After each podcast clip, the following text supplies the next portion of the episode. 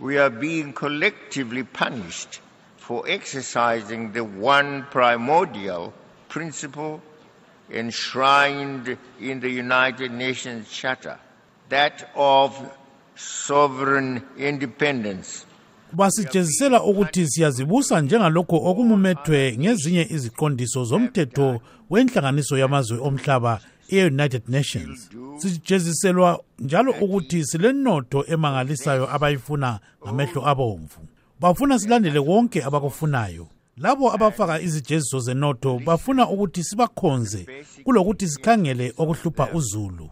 Nxa izijeziso lezi zingakhitshwanga kasisoze senelise ukuthi silungise izinqumo ezathathwa yinhlanganiso ye-united nations eze-agenda 2030 I repeat my call to Britain, Europe, and the United States and their allies to remove the illegal and unjustified sanctions against my country and its people. yaphinda njalo ukukhuluma ngodaba lolu sicela elebhilithane imelika lamanye amazwe akhuphe izijeziso zenotho kumele sibambisane ukwenzela ukuthi siyenze kahle ekuthuthukiseni umnotho kazulu ngokuqondileyo ukwenzela ukuthi silungise izinqumo ze-agenda 2030 Mr. President, this session of the General Assembly will elect the next Secretary General of our organization. siyakwazi njalo ukuthi kukhethwa unobhala jikelele we-united nations